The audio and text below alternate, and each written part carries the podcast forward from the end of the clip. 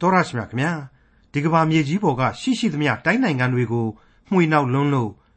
လောကကဘာမြေတစ်ခွင်မှာမခံနိုင်အောင်ဖြစ်ရတဲ့အရာ၃ပါးမက၄ပါးရှိတယ်ဆိုတာကိုဒီကနေ့တင်ပြရတော့တမချန်းအစီအစဉ်မှာလေ့လာမှာဖြစ်တဲ့ခရိယန်တမချန်းဓမ္မဟောင်းကျမ်းပိုင်းတွေကတုတ်တန်ကျမ်းအခန်းကြီး30အခန်းငယ်21ကနေ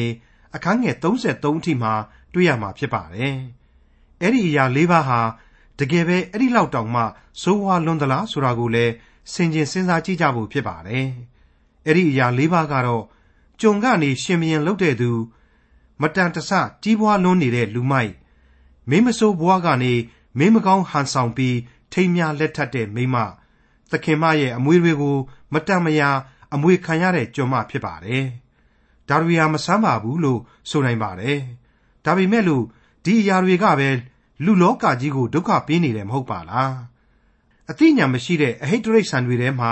အသိဉာဏ်ပညာနဲ့ပြည့်စုံကြွယ်ဝပါတယ်ဆိုတဲ့လူတော်ဝါတွေအတူယူကြရမယ်တရိษံ၄မျိုးကိုလည်းဖော်ပြထားတဲ့တုတ်တန်ကျမ်းအခန်းကြီး30အခန်းငယ်21ကနေအခန်းငယ်33အထိကိုဒေါက်တာထွန်းမြတ်အေးကအခုလိုလေ့လာသုံးသပ်တင်ပြมาဖြစ်ပါတယ်။ ပြီးခဲ့တဲ့သင်ခန်းစာအနေနဲ့အာဂုရာဆိုတဲ့မထင်မရှားပညာရှိတစ်ပါးကနေပြီးတော့ဩဝါဒပေးခဲ့တဲ့စကားတွေကိုရှောလမုန်မင်းကြီးရဲ့တုတ်တန်ကျမ်းဟာဘယ်လိုပေါ်လွင်ထင်ရှားအောင်ဖော်ပြသွားခဲ့ပြီဆိုတာကိုမိษွေတို့လေ့လာခဲ့ကြပြီးပါပြီ။အာဂုရာဟာလူသားတို့နားမလည်နိုင်တဲ့အရာ၄ခုလောကကြီးမှာဖြည့်လို့ကိုကိုမပြည့်နိုင်အမြဲအလိုဆန္ဒမပြည့်နိုင်တဲ့အရာ၄ခုနဲ့တကွာလူသားတို့ပြုအပ်သောတောင်းစုနှစ်ခုဘာတွေဖြစ်တယ်ဆိုတာကိုပါတင်ပြပေးသွားခဲ့ပြီဖြစ်ပါတယ်ဟုတ်ပါတယ် ကိုတော်ထံမှဆုနှစ်ပါးကိုအကျွန်ုပ်တောင်းပါ၏အကျွန်ုပ်မသေးမီတိုင်အောင်ညင်းတော်မမူပါနှင့်အကျွန်ုပ်မှအနတ္တနှင့်မှုသာကိုပယ်တော်မူပါဆင်းရဲခြင်းနှင့်ငွေရတဲ့ခြင်းကိုပေးတော်မမူပါနှင့်အသက်မွေးလောက်သောအစာကိုသာပေးတော်မူပါသို့မဟုတ်အကျွန်ုပ်သည်ကြွယ်ဝ၍ထာဝရဘုရားကအဘယ်သူနည်းဟုဆိုလျက်ကိုတော်ကိုညင်းပယ်မည်ဟုဆိုရင်စရာရှိပါ၏သို့မဟုတ်ဆင်းရဲ၍သူ့ဥစ္စာကိုခိုးသဖြင့်အကျွန်ုပ်၏ဘုရားသခင်နာမတော်ကိုမှုသာနှင့်ဆိုင်၍ မွဲ့ဆိုမည်ဟုစိုးရင်เสียရှိပါ၏တဲ့တကယ်တော့ဒီဆုတောင်းသံဟာအစွန်းနှစ်ပါးနဲ့ကင်းလွတ်နေတယ်ဆိုတာကိုသိသာစေပါတယ်ဘဝတစ္ဆာအမြင်ကဆုတောင်းခြင်းပဲလို့ကျွန်တော်ချီးမွမ်းထောမနာပြုလိုက်ပါရစေဒီကနေ့အဖို့မှာတော့ကြံသုတ်တန်ကျမ်းအခန်းကြီး30အငယ်21ကနေပြီးတော့23အထိဖတ်ရှုရင်းနေနောက်ထပ်အာဂုရဟာသူ့ရဲ့အမြင်တွေကိုဘယ်လိုဘယ်လိုဖော်ပြသွားအောင်မယ်ဆိုတာကိုနားဆင်ကြည့်ကြပါစို့ မြေကြီးကိုမှွေနှောက်သောအရာ၃ပါးမကမြေကြီးမခံနိုင်သောအရာ၄ပါးဟုမူကားမင်းပြူသောကျွန်တစ်ပါးဝါစွာစားရသောလူမိုက်တစ်ပါးလက်ထပ်သောမိမဆိုးတစ်ပါးသခင်မဥစ္စာကိုအမွေခံရသောကျွန်မတစ်ပါးတည်းကျွန်ဘဝကနေပြီးတော့ကောက်ခါငင်ကမင်းတက်ပြီးဖြစ်လာသူမတန်ဆကြီးပွားနေတဲ့လူမိုက်မိမဆိုးဘဝကနေမိမကောင်းဟန်ဆောင်ပြီးတော့အပြိုကလေးလိုလက်ထပ်တဲ့မိမသခင်မရဲ့အမွေတွေကိုမတန်မရာအမွေခံရတဲ့မိမ အဲ့ဓာတွေကိုအာဂုရဖော်ပြပေးလိုက်တာကတော့လောကကြီးမှာမှွေနေတဲ့အရာတွေပဲတဲ့လောကကြီးကမခံနိုင်တဲ့အရာတွေတဲ့ပြန်ပြီးပြောပြစီကျွန်ကနေမင်းတက်လို့သူမတန်ဆကြီးပွားနေတဲ့လူမိုက်မိမစိုးဘဝကနေမိမကောင်းဟန်ဆောင်ပြီးတော့လက်ထပ်တဲ့မိမသခင်မရဲ့အမွေတွေကိုမတန်မရာအမွေခံရတဲ့ကျွန်မတဲ့အမှန်တကယ်ဟုတ်ပါစားအဲ့ဒီလိုတပ်ပရမျှတခြင်းမရှိတဲ့အရာပေါင်းများစွာတို့ဟာ မြေကြီးကိုမှွေနှောက်ရင်းနေပဲတမိုင်းအဆက်ဆက်မှာဖြစ်ပေါ်နေခဲ့တယ်တည်ရှိနေခဲ့တဲ့တစ္ဆာတရားတွေဖြစ်တယ်ဆိုတာကိုကျွန်တော်တို့တွေ့မြင်ရပါတယ်ဟုတ်ပါတယ်မခံနိုင်ဘူးမခံနိုင်ဘူးဆိုရက်နဲ့ပဲသမိုင်းတလျှောက်ဟာအဲ့ဒီလိုမသိမလျောမဖွဲမရပြဿနာတွေအမျိုးမျိုးကိုခံယူပေးခဲ့ပါတယ်မှွေနှောက်နေသောပြဿနာတွေနဲ့ပဲသမိုင်းတို့ဟာအစဉ်တစိုက်လဲပတ်နေခဲ့ရပါတယ်ဒါဆိုရင်အခုလိုတကူးတကန့်မြေကြီးပင်မခံယူနိုင်တဲ့အချက်တွေအဖြစ်ဒါကိုဖော်ပြလိုက်တာဟာ ဆန်းသစ်တဲ့အခြေခံသဘောတရားတွေရှိနေပြီဆိုပြီးတော့ကျွန်တော်ရှင်းလင်းပြတ်သားစွာခံယူကြရပါလိမ့်မယ်ဟုတ်ပါတယ်အခုသုတ်တန်ကျမ်းကိုပြုစုသူရှောလမုန်မင်းကြီးရဲ့သားယောဘောင်လက်ထက်မှာဆိုရင်ရေယောဘောင်ဆိုတဲ့ကျွန်ဘဝကတက်လာခဲ့တဲ့သဘုံတရားဟာနိုင်ငံတော်ကြီးနှစ်ချမ်းကွဲပြီးတဲ့နောက်မြောက်ပိုင်းဣသရီလရဲ့ဘရင်ဖြစ်လာတယ်ဆိုတာကိုတွေ့ရပါတယ်တကယ်တော့အဲ့ဒီကျွန်ရေယောဘောင်ဟာကျွန်ဖြစ်တာကတခြားရှောလမုန်ရဲ့သားတော်ယောဘောင်ကြပြန်တော့ ပညာရှိကြီးရဲ့သားလုံနေပြီးတော့လူမိုက်တယောက်ဖြစ်ခဲ့တဲ့အတွက်အဲ့ဒီကျွန်ရေရောပေါင်လောက်တောင်မှအစွန်းအစမရှိတိုင်းပြည်ကိုနှစ်ချမ်းကွဲစေတဲ့အထိလူမိုက်ဖြစ်ခဲ့သေးတယ်ဆိုတာကိုနှိုင်းရှင်ချက်အဖြစ်ရှင်းလင်းပြသစွာတွေ့ရပါလိမ့်မယ်အဲ့ဒီရေရောပေါင်ဆိုတဲ့ကျွန်ဘာကြောင့်ဘယင်တက်ဖြစ်တော့အမှန်ကတော့ရှင်းပါလေဘုရားသခင်ရဲ့စီရင်တော်မူခြင်းပဲဆိုတာကိုတွေ့ကိုတွေ့ရမှာဖြစ်ပါတယ်အဲ့ဒီလိုပါပဲဝါစွာစားရတဲ့လူမိုက်တဲ့ ဓမ္မရာဇဝင်တွေတဲကအပိဂဲလရဲ့ယောက်ျားနာဗလာဆရာဟာအဲ့ဒီလိုလူမိုက်မျိုးစားဖြစ်တယ်လူမိုက်အမျိုးအစားဖြစ်တယ်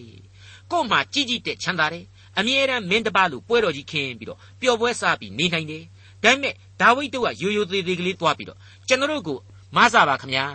အရေးပေါ်အကူအညီကလေးများပေးပါခမညာဆိုတာကိုဘာလဲကွာမင်းတို့ကဘာကောင်နေမလို့ငါပေးရမှာလဲကွာမပေးနိုင်ဘူးမကျေနိုင်ရင်ကြိုက်တာလို့ဆိုပြီးတော့ရန်စကားတော့ပြောခဲ့တယ် နောက်ဆုံးကျတော့ဘုရားသခင်ဒဏ်ခတ်တော်မူလို့နှလုံးခဲပြီးတော့သေခဲ့ရတယ်ဆိုတာတွေ့ကိုကျွန်တော်တို့ဓမ္မရာဇဝင်ဒီထဲမှာထင်ရှားစွာတွေ့ကြရပြီးဖြစ်ပါတယ်မကောင်းတဲ့မိမတွေကနေမမျှော်လင့်ပဲပြန်ပြီးတော့ကောင်းစားသွားခဲ့ရတဲ့အဖြစ်တွေကိုလေသမိုင်းမှာကျွန်တော်တို့အများကြီးတွေ့နိုင်ပြန်ပါတယ်ပြည်တစားမှတာမာယာခတ်တို့ကအစများစွာသောသမိုင်းဝင်မိမတို့ဟာအခြေခံမလှမပဘာပဲနဲ့ပဲသမိုင်းရာဇဝင်ဒီတဲကိုတိုးဖွေဝင်ရောက်လာခဲ့ကြတာပဲဆိုတာကိုမြင်နိုင်ပါတယ်ဒီတော့ မြေကြီးကိုမှွေနှောက်ယုံတယ်မကသေးဘူးနော်မြေကြီးကမခံနိုင်လောက်သောလောကသရုပ်တွေးဟာမြေကြီးပေါ်မှာဖြစ်ကိုဖြစ်ခဲ့ကြတာကြီးပဲဆိုတာရှင်းနေပြီမဟုတ်ဘူးလားဒီတော့မြေကြီးပေါ်မှာဖြစ်ခဲ့တယ်ဖြစ်နိုင်တာတွေကြီးပဲလေဖြစ်တယ်ဆိုတာကိုသိနာလေထားသူရှောလမုန်မင်းကြီးဟာတမင်ဖြစ်ဆွဲဖော်ပြလိုက်တာပဲဖြစ်တယ်လို့ကျွန်တော်ခံယူပါတယ်ဟုတ်ပါတယ်လောကကြီးရဲ့သရုပ်ပြည့်မြင်ကွင်းတွေကိုမြေကြီးဟာမခံနိုင်ပါဘူး ဒါပေမဲ့အဲ့ဒီမြေကြီးပြင်ဟာဘုရားသခင်ရဲ့အမိန့်တော်နဲ့အညီအကောင်အဆိုးအမျိုးမျိုးသောသမိုင်းမှတ်တိုင်များကိုကပီးတင်ပေးခဲ့တဲ့အကြောင်းကျွန်တော်ဒီနေရာမှာတင်ပြလိုက်ပါတယ်မိတ်ဆွေအပေါင်းတို့ခမညာအခုအချိန်မှာတော့လူအဖွဲ့အစည်းရဲ့ဖော်ပြပါတရုပ်ပြက်မြင်ကွင်းတွေကနေပြီးတော့တိရစ္ဆာန်လောကရဲ့ဘုံမဟုတ်ပတ်မဟုတ်သတ္တလောကမြင်ကွင်းကလေးတွေနဲ့နှိုင်းရှင်ချက်တရုပ်အနေနဲ့ဖော်ပြသွားပါအောင်မယ်သုတ်တန်ကျမ်းအခန်းကြီး30အငယ်24မှ28မြေကြီးပေါ်မှာသိနှုတ်တော်လေ အထူးသဖြင့်ပညာရှိသောအရာ၄ပါးဟုမူကားခွန်အားမရှိသောအမျိုးဖြစ်တော်လေຫນွေကာလ၌မိမိစပါးကိုပြင်ဆင်တတ်သောပရွက်စိတ်တပါမတန်ဆွန်းသောအမျိုးဖြစ်တော်လေကြောက်တွင်း၌နေရာချတတ်သောရှာဖန်ယုံတပါမင်းမရှိတော်လေတပ်ဖွဲ့၍အစဉ်အတိုင်းသွားရသောကြိုင်းတပါလက်ဖြင့်ကင်ဆွဲ၍နန်းတော်၌ပင်နေတတ်သောအိမ်မြောင်တပါသည်နှိုင်းရှင်ပဲတယုတ်လို့ကျွန်တော်အထက်ကဖော်ပြလိုက်တဲ့အတိုင်းပါပဲ မြေကြီးပေါ်ကထိတ်တန်းလူတ attva တို့ရဲ့ကပောက်တိကပောက်ချာအဖြစ်တွေးဟာမြေကြီးပြင်ကမခံနိုင်ဘူးဆိုတာကိုကျွန်တော်တို့တွေ့ကြရတယ်အခုကျတော့မြေကြီးပေါ်ကအသေးနှုတ်ဆုံသောတ attva အကောင်ကလေးတွေရဲ့ပညာသတိရှိပုံတွေကိုနှိုင်းရှင်ချက်သရုပ်အဖြစ်ဖော်ပြလိုက်ပြီဒီနေရာမှာပညာသတိဆိုတာဟာတတ္တလောကတတ္တလောကအလျောက်အဟိတ်တိရစ္ဆာန်တို့၌ပင်ရှိမြဲဖြစ်တဲ့အသိစိတ် instinct ကိုဖော်ပြလိုက်ခြင်းပဲဖြစ်ပါတယ်ဒီပညာသတိဆိုတာဟာကိုဘသူပေးတယ်လေ ဘုရားသခင်ဟာသူဖန်ဆင်းတဲ့တတ္တဝါတိုင်းကိုသူကိုယ်တိုင်သူတို့ရဲ့ရှင်သန်ယက်တီရေးအတွက်အစွန်းတတ္တိအမျိုးမျိုးပေးလိုက်တာပါပဲဘလောက်အံ့ဩဖို့ကောင်းလဲအဲ့ဒီလိုတရိษံကလေးတွေဟာတကယ်တော့လူသားတို့ဖန်ဆင်းခြင်းနဲ့အပြိုင်တည်ရှိခဲ့တယ်ဒီတော့ဒီတတ္တဝါကလေးတွေတရိษံကလေးတွေကိုလေလူသားဟာအုပ်ဆိုးခွင့်ရရှိစေတယ်ဆိုတာဟာနှုတ်ကပတ်တော်အရာမြင်ရပြီးသားဖြစ်ပါတယ်ကပ္ပဦးကျမ်းအခန်းကြီး1အငယ်24မှ31ကိုကြည့်နိုင်ပါလိမ့်မယ်တဖန်ဖျားသခင်က မြေသည်အသက်ရှင်သောတတ္တဝါမျိုးဒီဟုသောသားရင်တို့ကို၎င်းတွားရသောတိရစ္ဆာန်တို့ကို၎င်းသားရဲမျိုးတို့ကို၎င်းမွေးဖွားစေဟုအမိန့်တော်ရှိသည့်အတိုင်းဖြစ်လေ၏ထို့သောဘုရားသခင်သည်သားရဲမျိုးသားရင်မျိုးမြေပေါ်မှတွားရသောတိရစ္ဆာန်မျိုးအပေါင်းတို့ကိုဖန်ဆင်း၍ထိုအမှုအရာကောင်းသည်ကိုမြင်တော်မူ၏တဖန်ဘုရားသခင်ကငါတို့ပုံတရံနှင့်တညီတဒရံဒီလူကိုဖန်ဆင်းကြစို့ သူသည်ပင်လင်ငါတို့ကို၎င်းမိုးကောင်းကင်ငှက်တို့ကို၎င်းသားရင်တို့ကို၎င်းမြေတပြင်လုံးနှင့်တကွမြေပေါ်မှတွားရသောတိရစ္ဆာန်အပေါင်းတို့ကို၎င်းအုပ်ဆိုးစေဟုအမိန့်တော်ရှိ၏ထို့သောဘုရားသခင်သည်မိမိပုံတရံနှင့်အညီလူကိုဖန်ဆင်းတော်မူ၏ဘုရားသခင်၏ပုံတရံတော်နှင့်အညီလူယောက်ျားလူမိန်းမကိုဖန်ဆင်းပြီးလျှင်အချင်းတို့များပြားစွာမွေးဖွားကြလော့မြေကြီးကိုပြည့်စေ၍နိုင်ကြလော့ပင်လယ်ငါးတို့ကို၎င်းမိုးကောင်းကင်ငှက်တို့ကို၎င်း အသက်ရှင်၍မြေပေါ်မှလှုပ်ရှားတတ်သောတိရစ္ဆာန်အပေါင်းတို့ကို၎င်းအုပ်ဆိုးကြလော့ဟုမိန့်တော်မူ၍သူတို့ကိုကောင်းကြီးပေးတော်မူ၏ဘုရားသခင်ကလည်းကြည့်ရှုလော့မြေတပြင်လုံး၌စဘာသီးကိုဖြစ်စေသောစဘာပင်အမျိုးမျိုးတို့ကို၎င်းမျိုးစေ့ကိုဖြစ်စေသောအသီးနှင့်ပြည့်စုံသောတစ်ပင်အမျိုးမျိုးတို့ကို၎င်းသင်တို့စားเสียဖို့ငါပေး၏မြေသားမိုးကောင်းကင်ငှက်အသက်ရှင်၍မြေပေါ်မှတွားရသောတိရစ္ဆာန် အမျိုးအပေါင်းတို့စားเสียဖို့မြက်ပင်အမျိုးမျိုးတို့ကိုငါပေးပြီဟုမိန့်တော်မူသည့်အတိုင်းဖြစ်လေ၏ဘုရားသခင်သည်မိမိဖန်ဆင်းသမျှသောအရာတို့ကိုကြည့်ရှုလျင်အလွန်ကောင်းသည်ကိုမြင်တော်မူ၍ညဦးနှင့်နန်းနက်သည်ဆဋ္ဌမနေ့ရက်ဖြစ်လေ၏ဒီအချက်တွေကိုထောက်ရှုလိုက်ခြင်းအပြင်တတ္တလောက တရိษံတို့ရဲ့ဘဝကိုလေသူ့ဟာနဲ့သူအတိုင်းအဆအလျောက်ကောင်းကြီးပေးခဲ့သေးတာပဲဆိုတာကိုကျွန်တော်တို့တွေ့နိုင်ပါတယ်အခုသုတ်တန်ကျမ်းရဲ့ဖော်ပြချက်တွေဟာအနိုင်စားလောကတရိษံကလေးတွေဟာတောင်မှ သူတို့ဖာသာသူတို့ပညာရှိကြတယ်အသိရှိကြတယ်ဆိုရင်ဉာဏ်ရှိကြတယ်ဆိုရင်လူဆိုတဲ့တတ္တဝါဟာဘလောက်အထိပညာဉာဏ်သတိနဲ့ပြည့်စုံဖို့လိုအပ်နေသလဲဆိုတာကိုဖော်ပြလိုက်တာ ਨੇ အတူတူပါပဲဒီအပိုင်းတွေကိုလေ့လာရမှာတော့စဉ်းစားစရာတွေဟာအများကြီးရှိနေပါတယ်လောကီတာဝန်လောကုတ်တရားတာဝန်နှစ်ဖက်စလုံးအတွက်အရေးကြီးတဲ့သင်ခန်းစာများကိုနှစ်ဖက်မျှပြီးတော့တွေးဆတိုက်တယ်လို့ကျွန်တော်ခံယူမိပါတယ်အခုဖော်ပြချက်တွေတဲကခွန်အားပင်မရှိတော့လေຫນွေကာလ၌မိမိတို့စားစရာဖို့ကို ပြင်ဆင်တတ်သောပျောစိတ်ကလေးတွေအကြောင်းကိုရှေ့ဆုံးတန်းမှာဖော်ပြထားပါတယ်ပြီးခဲ့တဲ့သုတ်တန်ကျမ်းအခန်းကြီး6မှာတုန်းကဆိုရင်လေအငယ်6ကစပြီးတော့အချင်းလူပြင်းပျောစိတ်ထံသို့သွား၍သူ၏အပြုအမူတို့ကိုဆင်ခြင်သဖြင့်ပညာရှိစေလောဆိုပြီးတော့ပျောစိတ်ကလေးတွေအကြောင်းကိုအခုလိုဖော်ပြခဲ့ပါသေးတယ်ပျောစိတ်သည်ဆရာမရှိပဲ့ပြင်သောသူမရှိမင်းမရှိဘဲလျက်နှွေကာလနှင့်စပားရိပ်ရာကာလ၌မိမိစားเสียအစာကိုရှာဖွေတူထားတတ်၏။အိုလူပြင်း သင်သည်အဘယ်မျှကာလပတ်လုံးအိပ်လျက်နေလိမ့်မည်နီအဘယ်သောအခါနိုးလိမ့်မည်နီခဏအိပ်လျက်ခဏပျော်လျက်အိပ်ပျော်အံ့သောငါခဏလက်ချင်းပိုက်လျက်နေစဉ်တွင်ဆင်းရဲခြင်းသည်ခရီးသွားသောသူကဲ့သို့၎င်းဥစ္စာပြုံးတီးခြင်းသည်သူရဲကဲ့သို့၎င်းရောက်လာလိမ့်မည်တဲ့အဲ့ဒီလိုဖော်ပြထားခြင်းဖြစ်ပါတယ်အမှန်ကတော့လောကလူသားတယောက်အနေနဲ့ပဲစဉ်းစားလိုက်မယ်ဆိုရင်လေဘဝတာဝန်ဆရာဟာတယောက်တည်းအတွက်တောင်မှကြိုတင်ပြင်ဆင်မှုရှိတဲ့လို့ အကယ်၍များအိမ်တောင်ပြုတယ်ဇနီးနဲ့သားသမီးကလေးတွေမွေးဖွားလာမယ်ဆိုရင်တော့ဒီလူလောကတာဝန်တွေဟာပို့ပြီးတော့တောင်မှကြီးမားများမြောင်လာပြီလို့ဆိုရမှာပါဥစ္စာဟူသည်မျက်လှည့်မျိုးဒါကြောင့်မလို့အလိုတော်ကိုပဲဝန်ခံမယ်ဆိုတဲ့အစွန်းရောက်အတွေးအခေါ်မျိုးကိုကိုပြင်းတိုင်းတွေးခေါ်တာမျိုးဖြင်းတိုင်းအလိုတော်ကိုပုံချတာမျိုးမဖြစ်ရပါဘူးတစ်ချိန်တည်းမှာကိုယ့်ရဲ့အနန္တကာလအတွက်လောကုတ်တရားဗန္တာဒီကိုလည်းစုရပါလိမ့်မယ် အဲ့ဒါကတော့ဘုရားသခင်ပေးသနာတော်မူသောကျေးဇူးဂရုနာတော်နဲ့ထိုက်တန်တဲ့အသက်တာကျင့်စဉ်များကိုကျင့်ဆောင်သွားကြဖို့ရန်ပဲဖြစ်ပါတယ်မိတ်ဆွေအပေါင်းတို့ခမညာကျွန်တော်အနေနဲ့အဲ့ဒီလိုလောကီလောကုတ်တရားနှစ်ဖြာသောအမြင်များရှိဖို့ပြောနေတာဟာသုတ်တန်ကျန်သင်ခန်းစာတွေကပေးခဲ့တဲ့အသည့်တရားတွေနဲ့လည်းဆက်ဆက်နေပါတယ်သုတ်တန်ကျန်အခန်းကြီး9မှာတော့ကဆိုရင်လေကိုဆိုင်သောရေအိုးကိုသုံး၍ ကိုရေတွင်းတဲကထွက်သောစမ်းရည်ကိုတောက်လော့သင်ဤစမ်းရည်များပြား၍လမ်းများအနားမှာစီးသောမြင်းများဖြစ်စီကြလော့ဆိုပြီးတော့တွေ့ခဲ့ရပါတယ်ပြည့်ရစိတ်လောက်တောင်မှကို့အသိဉာဏ်နဲ့သတိဝရိယမရှိရင်တော့မြင့်များလို့ရှင်သန်ဖို့နေနေသသာကိုရေအိုးတောင်မှကိုမဖြစ်နိုင်မှာကိုစိုးရင်ရလောက်ပါတယ်မိတ်ဆွေအပေါင်းတို့ခမညာသုတ်တန်ကျမ်းအခန်းကြီး30အစပိုင်းမှာကြတော့ရှောလမုန်မင်းဤသုတ်တန်စကားဟူမူကား ပညာရှိသောသားသည်အဖဝမ်းမြောက်ခြင်းအကြောင်းမိုက်သောသားမူကားအမိဝမ်းနည်းခြင်းအကြောင်းကိုဖြစ်စေတတ်၏မတရားသောဥစ္စာဗန္တာသည်အကျိုးမရှိဖြောက်မှတ်ခြင်းပါရမီမူကားသေခြင်းမှကယ်တင်တတ်၏ဖြောက်မှတ်သောသူကိုငတ်၍သေစေခြင်းဟာထာဝရဘုရားသည်အခွင့်ပေးတော်မမူမတရားသောသူတို့၏အရမအမှုကိုကဖျက်ဆီးတော်မူ၏ပြင်းရသောသူသည်ဆင်းရဲခြင်းလုံလဝရိယရှိသောသူသည်ကြွယ်ဝခြင်းသို့ရောက်တတ်၏အသီးသီးသောအချိန်၌သိမ့်ယူသောသူသည်ပညာရှိသောသားဖြစ်၏ စပားရိပ်ရာကာလ၌အိတ်တက်သောသူမူကားအရှက်ခွဲတတ်သောသားဖြစ်၏တဲ့အဲ့ဒီလိုဖော်ပြထားပါတယ်ဒီတော့နှုတ်ကပတ်တော်ဟာအစဉ်တစိုက်မျှတနေပါတယ်အစွန်းရောက်ခြင်းဘယ်အခါမှမရှိပါဘူးလူသားတို့အတွက်လက်တွေ့ကြတယ်ခံယူနိုင်ရင်ခံယူနိုင်တဲ့လောက်အကျိုးကျေးဇူးအမျိုးမျိုးကိုပြုနေတယ်ဆိုရင်ရှင်းနေပါတယ်ကျွန်တော်တို့ဘယ်သူမှညင်းနိုင်မယ်မဟုတ်ပါဘူးနောက်ထပ်သုတ်တန်ကျမ်းအရာအခုကျွန်တော်တို့လေးလာလက်စအပိုင်းကဖော်ပြလာပြန်တာကတော့ရှာဖန်ယုံကလေးတွေအကြောင်းပဲဖြစ်ပါတယ် အဲ့ဒီရှာဖန်ယုံဆိုတာကျွန်တော်နိုင်ငံမှာအတွေ့အများတဲ့ယုံမျိုးပူမျိုးမဟုတ်ပါဘူးမျိုးစိတ်အရာအလွန်အားနေတဲ့ Hyrex Syriacus လို့အမည်ရှိတဲ့ကြောက်တောင်ဒေသကယုံမျိုးဖြစ်ပါတယ်အမွေးပွားပွားအမီတူတူနဲ့နေရွက်ဝိုင်းဝိုင်းယုံငယ်မျိုးကလေးတွေပါပဲသူတို့ဟာမြေကြီးကိုတောင်မရက်နိုင်တဲ့အတွက်မြင့်နိုင်သမျှမြင့်တဲ့ကြောက်တောင်တွေကြားတဲ့က တွင်းကလေးတွေမှသာခိုလုံရတယ်အသေးငယ်တဲ့တွင်းအောင်တတ္တဝါမျိုးဖြစ်တယ်ဒါကြောင့်မို့လို့လေမြေအောင်တဲ့တတ္တဝါအဖြစ်ပြည့်ညတ်တော်အရာမစားရဘူးဆိုတဲ့တားမြစ်ထားတဲ့တတ္တဝါမျိုးတစ်မျိုးပါပဲမတန်ဆွန်းသောအမျိုးဖြစ်တော်လေကြောက်တွင်း၌နေရာချရတော်ရှာဖန်ယုံတစ်မျိုးတဲ့သူတို့လေးတွေရဲ့အကြောင်းကိုကြားရတော့ကျွန်တော်တို့လူတတ္တဝါတွေဟာရောဝိညာဉ်တော်မှုတ်သွင်းခြင်းကိုခံရပြီးတော့ရွေးကောက်တော်မူသောအစဉ်ကောင်းကင်အမွေခံများဖြစ်တယ်လို့သာဆိုကြရတယ်မတန်မစွန်းမဖြစ်ကြဘူးလားအသေးမငယ်ကြဘူးလား ဖန်ဆင်းရှင်ချထားပေးတဲ့ကယ်တင်တော်မူခြင်းကျေးဇူးဆိုတာသာမရှိရင်လေခြေပြည့်လက်ပြည့်အကုန်လုံးအပြည့်ငရဲကလွဲပြီးတော့မျောလင့်စရာဘာများရှိကြမှာလဲ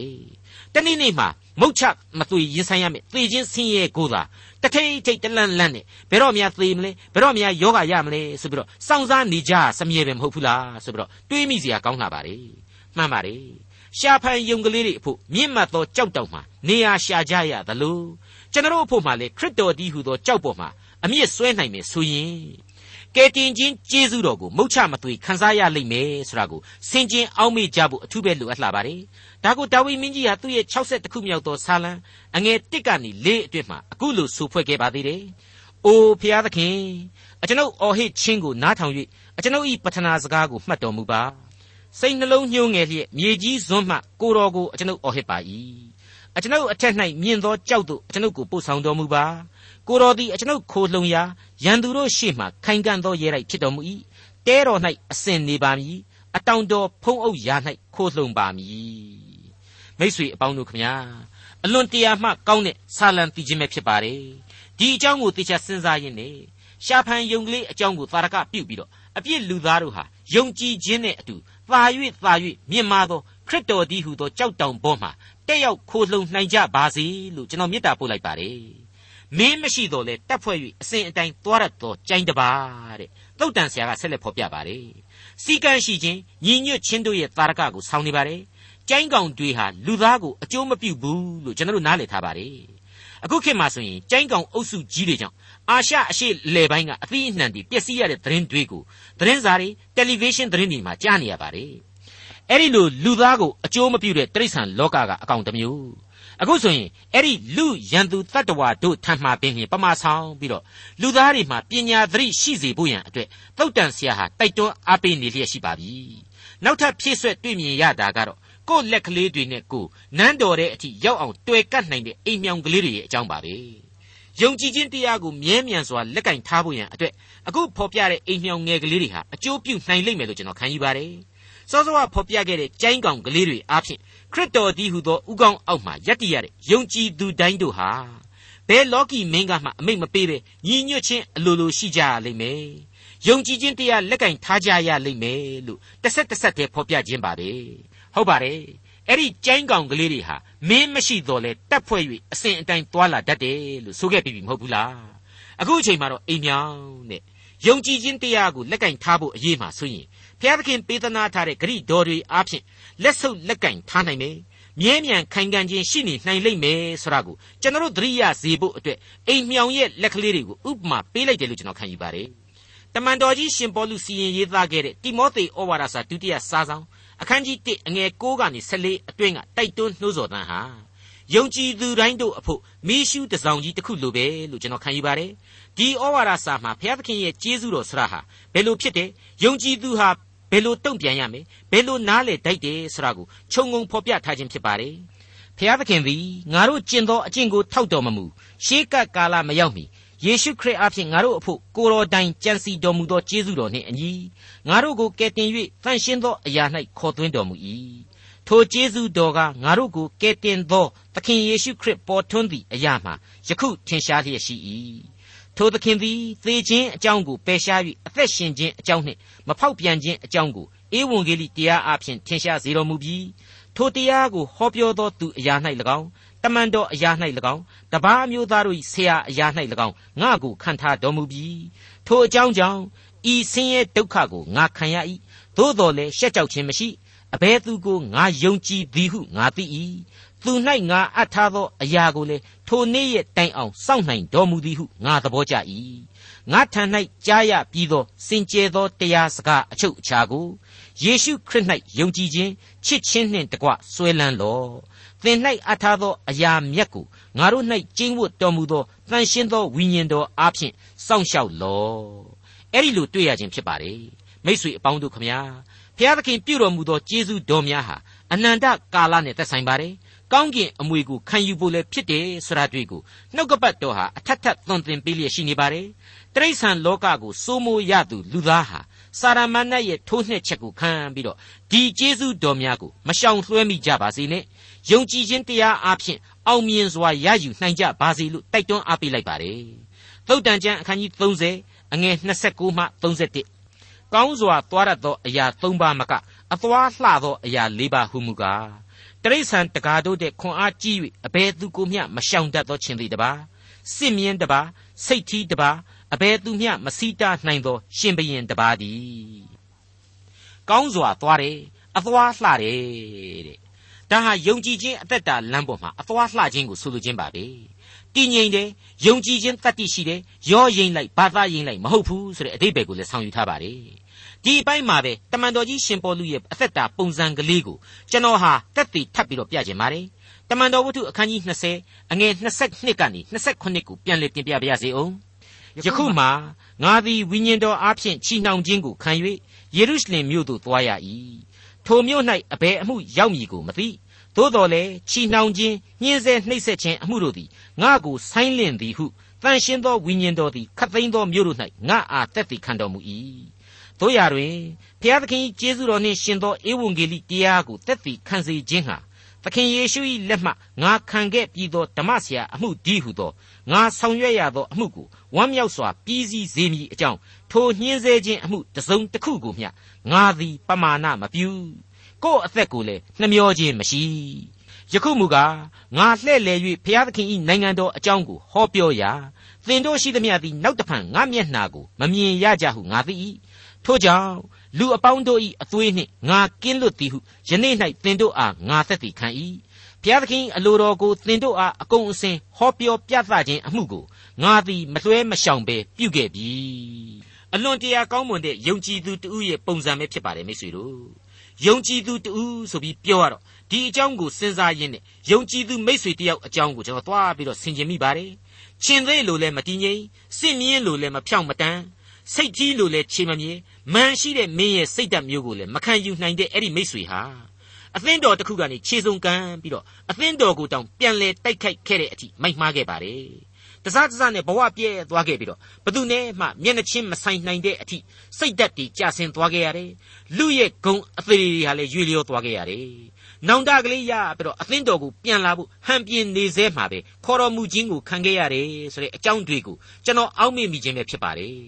အသွားမလှခဲ့ရှာတဲ့အဖြစ်လို့ကျွန်တော်ခံယူပါတယ်များစွာလဲကြေကွဲဝနေမိပါတယ်သူ့ရဲ့နောင်တအပေါ်မှာတော့ဘုရားသခင်ဟာကောင်းကြီးပေးလိမ့်မယ်လို့ကျွန်တော်မေတ္တာများစွာနဲ့ယုံကြည်မိပါတယ်ဟေဘရဲဩဝါဒစာအခန်းကြီး7အငယ်1ကနေ3အတွင်းမှာဩဝါဒဆရာကနေအခုလိုဖော်ပြထားပါတယ်ထို့ကြောင့်ဤမြလောက်များစွာသောတက်သိအပေါင်းတို့သည်ငါတို့ကိုဝိုင်းရန်လျက်ရှိကြသည်ဖြစ်၍ငါတို့သည်ခတ်သိမ်းသောဝန်တို့ကို၎င်းနှောက်ယှက်တတ်သောဒုစရိုက်ကို၎င်းပယ်ရှား၍ငါတို့မျက်မှောက်၌ထားသောပန်းတုံးတိုင်သို့ရောက်ခြင်းဟာ အာမလျော့ပဲပြေးကြကုန်အံ့ယုံကြည်ခြင်းကိုအစအဦးစီရင်၍စုံလင်စေတော်မူသောသခင်ယေရှုကိုစိတ်စိတ်ထောက်ရှုကြကုန်အံ့ထိုသခင်သည်မိမိရှိ၌ထားသောဝမ်းမြောက်ခြင်းအကြောင်းကြောင့်ရှက်ကြောက်သောအရာကိုမမှတ်ဖဲလက်ဝါးကတ်တိုင်၌ခံပြီးမှဘုရားသခင်၏ပလင်တော်လက်ရဘက်၌ထိုင်နေတော်မူ၏အပြစ်ရှိသောသူတို့လက်တွင်ထိုမျှလောက်ကြီးစွာသောစီတာနှောက်ယှက်ခြင်းကိုခံတော်မူသောသခင်ကိုထောက်ရှုဆင်ခြင်သောအပြင်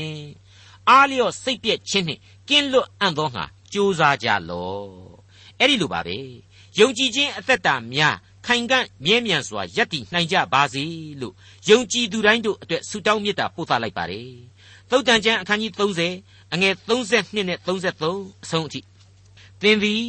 ကိုကိုကိုချီးမြှောက်၍မိုက်သောအမှုကိုပြုမိတော်၎င်းမကောင်းသောအကြံကိုကြံမိတော်၎င်းသင်ဤနှုတ်ကိုလက်နှင့်ပိတ်ထားလော့အကယ်စင်စစ်နို့ကိုမှွေလျင်ထောပတ်ထွက်တတ်၏ နှာခေါင်းကိုဆွဲလိမ်လျင်အသွေးထွက်တတ်၏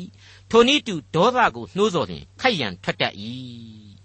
ကိုယ်စိတ်နှလုံးသုံးပါးစလုံးနဲ့သက်ဆိုင်နေတဲ့ဩဝါဒလို့ခံယူနိုင်ပါတယ်အတွေးမှန်ဖို့လိုပါတယ်အပြောမှန်ဖို့အရေးကြီးပါတယ်အလုံးမှန်ဖို့လည်းအလွန်အလွန်လိုအပ်ကြောင်းကိုတိုက်တွန်းအားပေးနေခြင်းပဲလို့ကျွန်တော်ဆိုချင်ပါတယ်အချုပ်အားဖြင့်ကတော့ယာကေဤသားအာဂုရသည်ဣသေလနှင့်ဥကလကိုဆုံးမသောတရားစကားဟူမူကားဆိုပြီးတော့အစချီပြီးတော့ ရှောလမုန်မင်းကြီးထက်ဆင့်စီရင်ရေးသားအပ်တဲ့ဒီသုတ်တန်ကျမ်းအခန်းကြီး30ဟာကိုကိုကိုအလွန်နှိမ့်ချစွာနဲ့ငါဟာဘာဆိုဘာမှမဟုတ်တဲ့လူမိုက်တယောက်သာဖြစ်တယ်လူသားအဆင့်ကိုတောင်မမှီတဲ့အဟိတ်တရိษံတကောင်အဆင့်သာရှိပါတယ်ဆိုပြီးတော့စတင်ပေးလိုက်တဲ့ကျမ်းဖြစ်တယ်အငယ်တစ်ကနေသုံးအတွင်းမှာကြည်နိုင်မယ်ဆိုရင်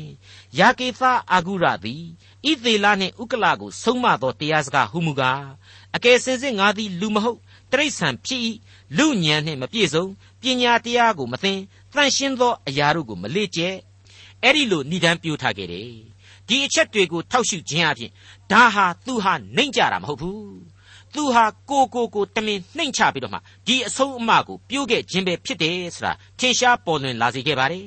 ဒါပေမဲ့ဘာပဲပြောပြောအဲ့ဒီလိုမထင်ရှားခဲ့သောပညာရှိယာကေရဲ့သားအာဂုရာဆရာဟာ အလွန်ကောင်းမွန်တဲ့ဩဝါဒအားဖြင့်ကျွန်တော်စိတ်ထဲမှာဝိညာဉ်ခွန်အားများကိုပွားများစေနိုင်လိမ့်မယ်လို့ကျွန်တော်လေးနဲ့စွာယုံကြည်မိပါတယ်